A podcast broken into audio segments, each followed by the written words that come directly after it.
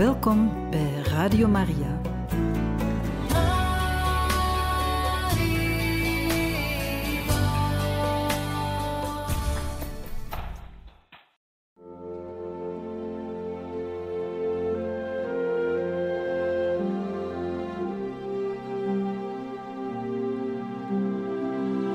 Beste luisteraars van Radio Maria, welkom bij het programma Catechismus. Een overweging bij de geloofschat van de kerk.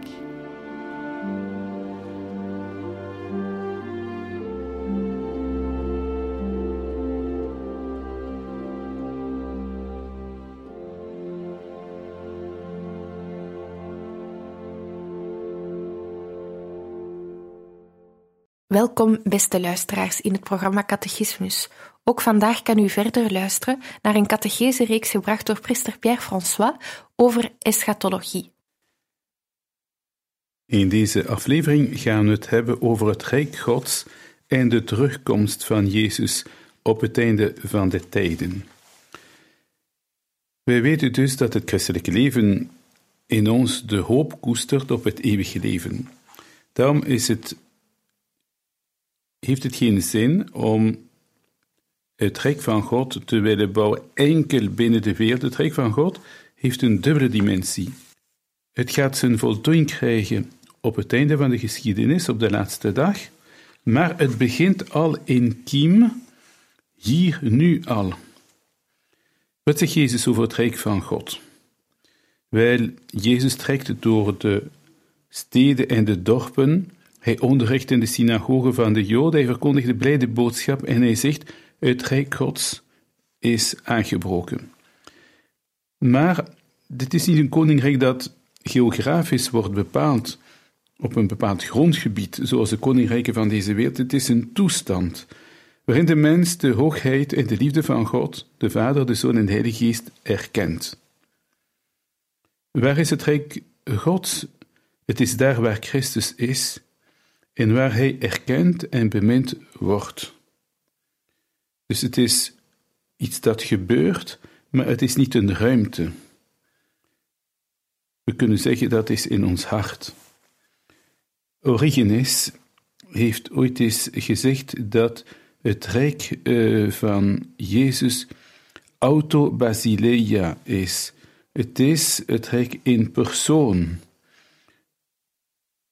Het rijk van God verwijst dus naar het heersen van God, naar de levende macht van God over de wereld en eigenlijk overal. Daarom zegt Jezus ook: het rijk van God is nabij. Of gewoon God is nabij. Want hoe heerst Hij door zijn nabijheid en zijn macht in ons te laten gebeuren, bijvoorbeeld door alles wat er gebeurt in ons innerlijk leven, in onze ziel, wanneer wij inderdaad de weldaden van God ervaren onder de vorm van genade. Het rijk van God is geen nieuw begrip dat Jezus heeft ingevoerd. Het had al een grote uh, voorgeschiedenis in het Oude Testament. Bijvoorbeeld wanneer God, Yahweh, laat begrijpen aan de Joden dat zij het volk van God zijn, uitverkoren door God. God, die alle mensen bemint, verkiest niettemin één bepaald volk. Langs dat volk gaat hij het volk van God, uh, dat de kerk is, doen ontstaan. En op die manier proberen alle mensen te bereiken op aarde. Maar in het begin was het Rijk van God gewoon um, een uitverkiezing van God, eerst van een geslacht, Abraham en zijn geslacht, uh, dan vervolgens twaalf families, de twaalf zonen van Jacob, en die in ballingschap tot een talrijk volk zijn geworden. En vanaf dat ogenblik was het ook een volk in de geopolitieke betekenis van het woord. Al hadden ze nog geen grondgebied, ze waren eigenlijk slaven in Egypte, totdat ze zich bevrijd hebben dankzij Mozes en ze getrokken zijn naar het beloofde land dat ze ook hebben moeten overnemen en veroveren. Zelfs wanneer de Joden een koning hebben aangesteld, begrepen die mensen dat het eigenlijk een plaatsvervanger was van God, maar dat hun echte koning God is. Dus Israël leeft met het geloof in het Rijk Gods, dat God eigenlijk zich erbarmt en genade geeft aan een volk. En meer dan een militaire heerser zien ze God als een herder. Het is inderdaad bij Jezaja dat we dat begrip eerst eh, zien verschijnen, dat God de herder van zijn volk is. Die God die sluit ook een verbond met de mensen. Hij geeft een, een wet, waardoor ze als volk gestructureerd worden, en hij beschermt ze. Maar hij belooft iets meer dan gewoon een soort contract tussen een heerser en, en een volk dat hem onderdanig is. Hij zegt ook: Ik zal u met zuiver water reinigen, zegt de profeet Ezekiel. Ik zal u met zuiver water besprenkelen en je zult rein worden. Van al uw ongerechtigheden en van uw afgoderij zal ik u reinigen. Ik zal u een nieuw hart geven en een nieuwe geest in u uitstorten. Ik zal het stenen hart uit uw lichaam verwijderen en u een hart van vlees geven.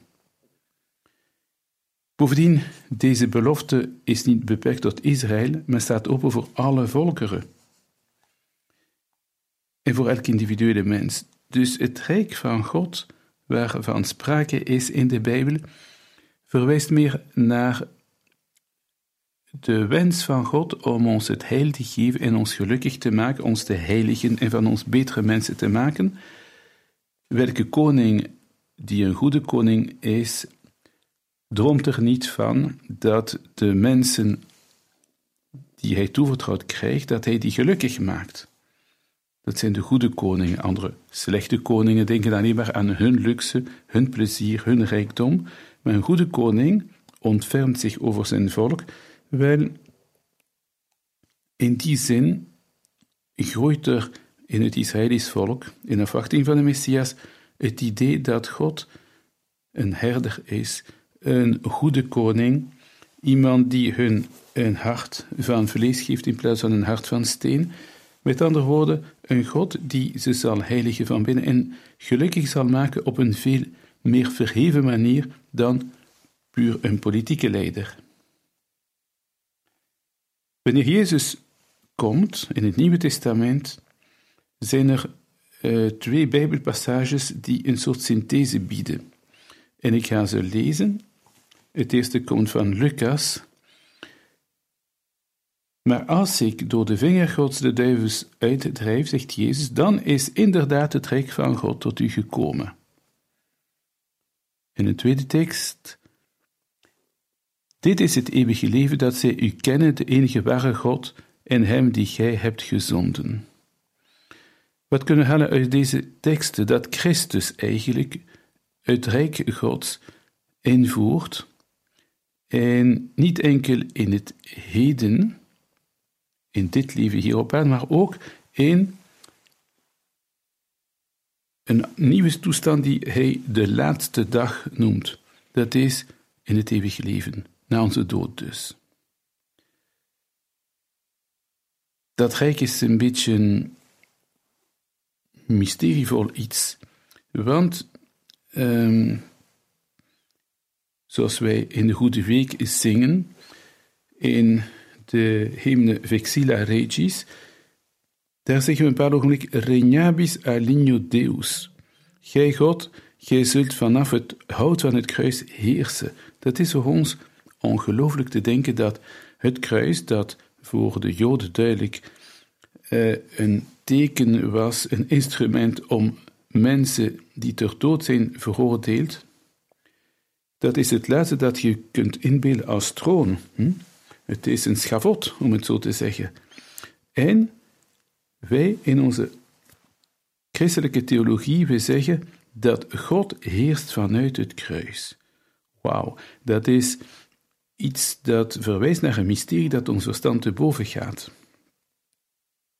Het evangelie zit eigenlijk met dat paradox, dat is dat wij ons niet identificeren met macht om mensen te verknechten, maar dat die, die, die overheersing van God gebeurt via een vorm van zelfverloochening, waarmee God ons iets kan bieden, en in dit geval is dat het heil, de vergeving van de zonde die ons het recht geeft om te erven van het Rijk Gods, die ons toegang geeft tot de eeuwige zaligheid.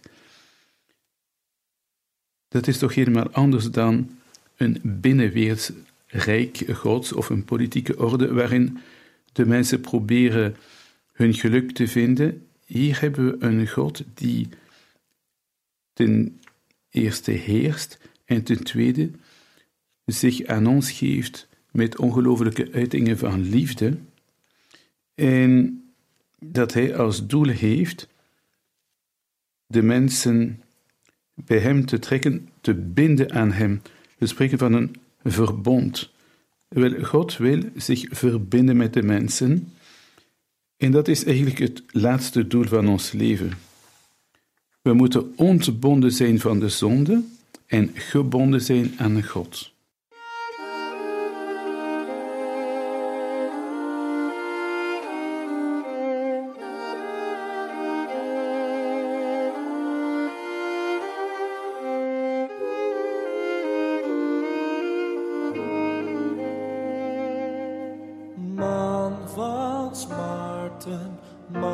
van lijden.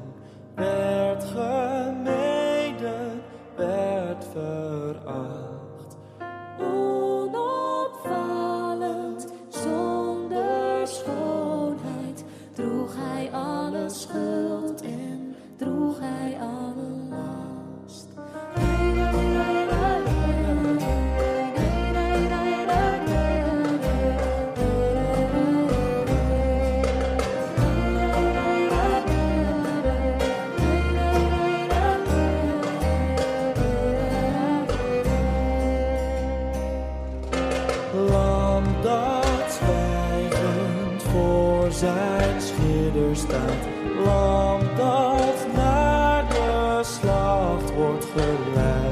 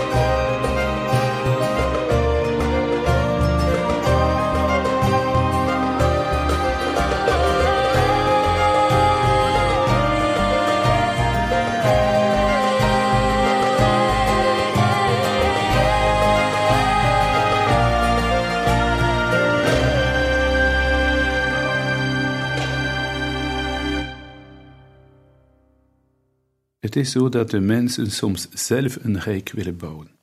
Er is een antecedent van in het Oude Testament, dat is de bouw van de toren van Babel. Dit verhaal heeft een, geestelijke betekenis en het beet ons uit wat er gebeurt wanneer de mensen willen regeren zonder God.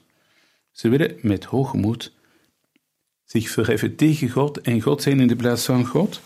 En ze bouwen dan een toren, maar ze houden geen rekening met één probleem, namelijk de zonde.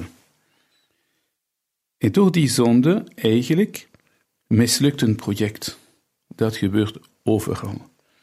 Al wie probeert zonder God macht te veroveren, zal vroeg of laat geconfronteerd zijn met de zondigheid van de mensen, zijn eigen zondigheid, de zondigheid van zijn zogenaamde bondgenoten. Het gaat ontaarden in innerlijke verscheuring en rivaliteit. En wat blijkt in het begin een soort verhaal van overwinningen, eindigt slecht.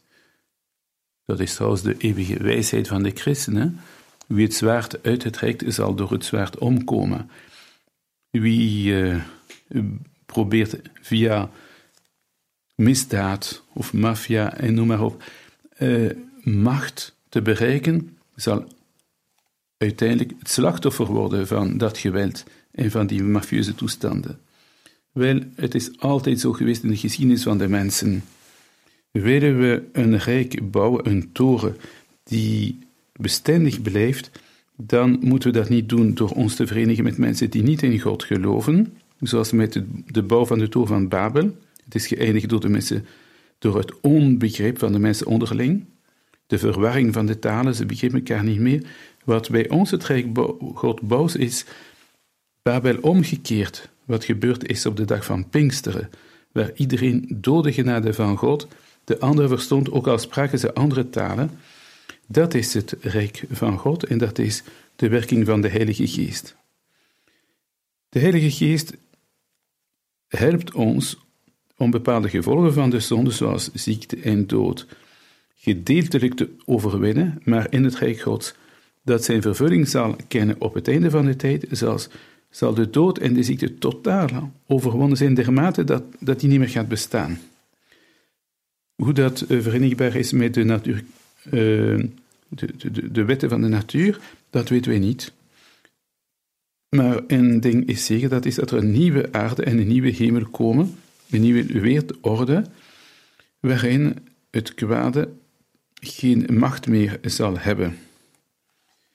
Laat ons even lezen uit de catechisme van de katholieke kerk, uh, wat dus het officieel standpunt van de kerk is op dit punt. Ik lees, immers alle goede vruchten van onze natuur en onze inzet, die wij in de geest en volgens het gebod van de Heer op aarde verbreid zullen hebben, zullen we later terugvinden, maar dan wel van alles met gereinigd, verlicht en omgevormd wanneer Christus aan de Vader het eeuwig en universeel koninkrijk zal teruggeven.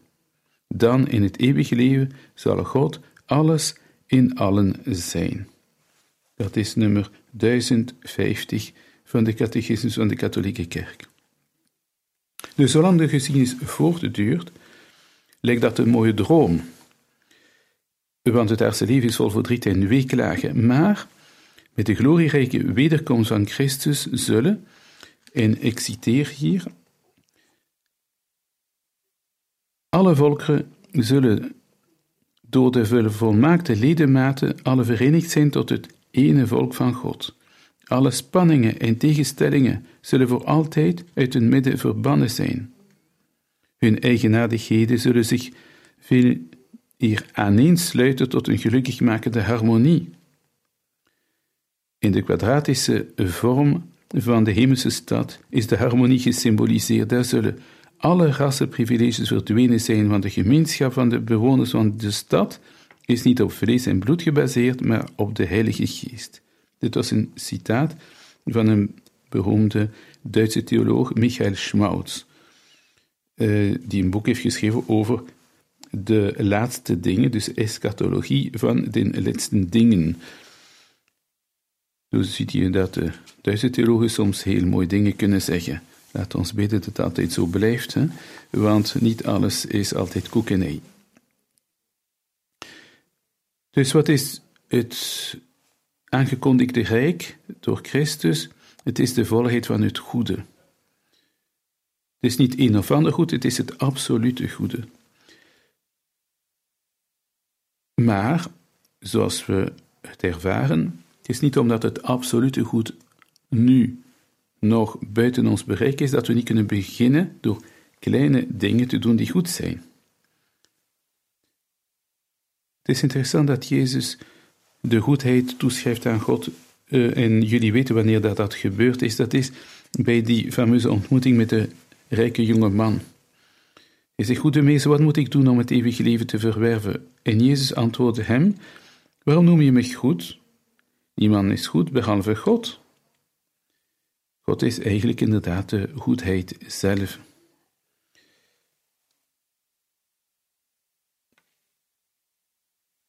Wanneer we de kerk zien als een gestructureerd wezen, namelijk het lichaam van Christus, kunnen beter begrijpen dat voor ons het Rijk Gods, dat is een harmonie vormen van ledematen rond een bepaald hoofd, en het hoofd is Christus, en wij zullen daar een geheel van zijn, met misschien één verschil.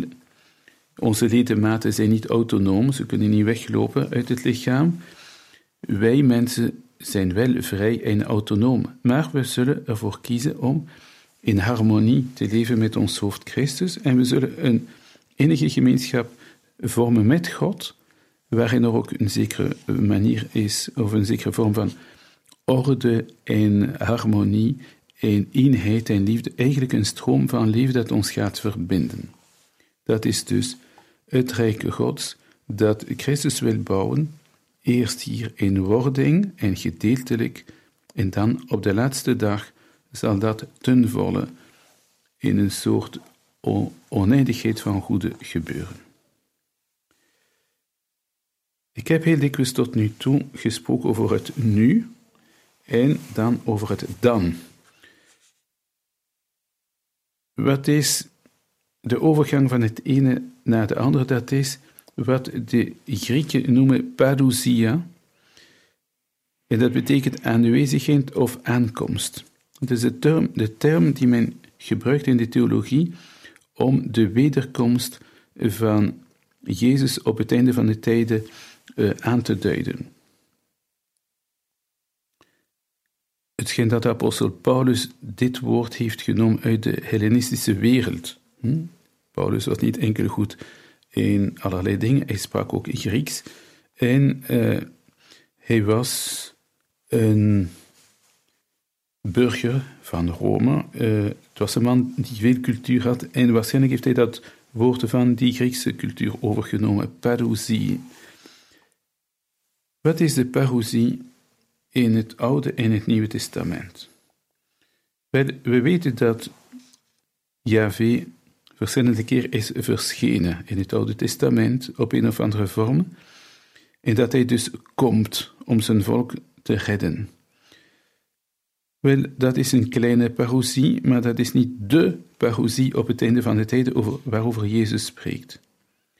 Wat heeft Yahweh verwezenlijkt in de geschiedenis van de mensen, bijvoorbeeld verbonden met Abraham, een verbond met Mozes.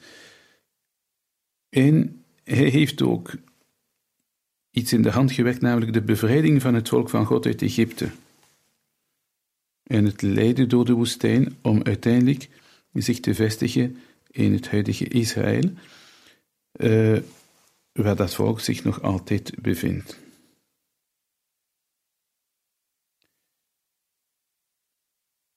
In het boek Exodus vertelt men hoe God het leger van Farao heeft overwonnen. En ik lees, toen Israël ik lees uit het boek Exodus. Toen Israël het machtige optreden van Yahweh tegen de Egyptenaren had gezien, kreeg het volk ontzag voor Yahweh. Ze stelden vertrouwen in Yahweh en in Mozes zijn dienaar. En ze beslissen dan uh, dat ze dat gaan herdenken, jaarlijks. De uittocht uit Egypte. En dat heeft aanleiding gegeven voor het paasfeest van de Joden, dat een volle betekenis heeft gekregen bij de christen, waar het Pasen niet enkel een bevrijding was uit de slavernij in Egypte, maar ook de overwinning op de dood die Jezus heeft bereikt met zijn verrijzenis. Wel, het is indrukwekkend te zien dat met de doortocht door de Rode Zee, waarmee de Joden zijn ontsnapt aan het leger van Farao, dat we eigenlijk daar een voorafbeelding hebben van het doopsel, dat van ons het volk van God maakt, namelijk de gedoopte, de kerk, dat is het volk van God, niet meer volgens het bloed zoals in Israël, maar volgens de geest. Dat volk van God krijgt voor een stuk nieuw leven. Maar we moeten nog een tweede doopsel ondergaan, dat is het doopsel van onze dood. En dan zullen we pas echt geboren worden aan het eeuwige leven. Dat is het definitieve leven. Wat we nu doen hier op aarde is een soort klad. Maar uh, wanneer die tweede ontmoeting met Christus zal komen, bij de parosie, wat men ook noemt de dag des Heren, dan zullen totaal herschapen worden, niet gedeeltelijk zoals in een doos, maar volledig, en dan zullen we toegang krijgen tot het eeuwige leven. Dus je ziet dat in de geschiedenis van het heil bepaalde dingen terugkeren. Eerst een verbond met Abraham, dan een verbond met Mozes, dan de doortocht eh, door de Rode Zee, dan het doopsel. En onze dood zal nog eens een doopsel zijn. Dus God keert herhaaldelijk terug naar zijn volk. En zo ontstaat een vorm van hoop, dat gebaseerd is op de grote daden die God gisteren heeft gedaan. Die geven ons de hoop dat als Hij terugkomt, dat het nog beter zal worden. En we zijn opgenomen in de dynamiek hè, van een God die tot ons is gekomen, maar die gaat ook terugkeren. Wel, in het Nieuwe Testament krijgen we de definitieve bestemming die de onze is, namelijk het eeuwige leven in de nieuwe hemel, de nieuwe aarde.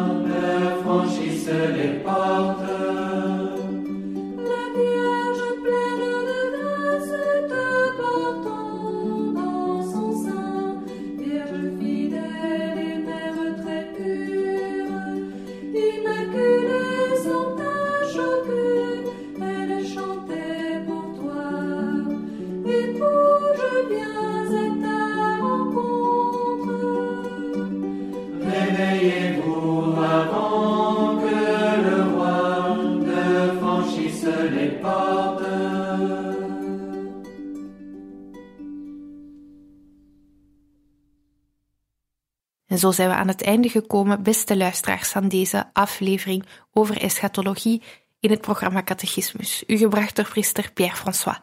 Radio Maria wenst u nog een mooie dag toe.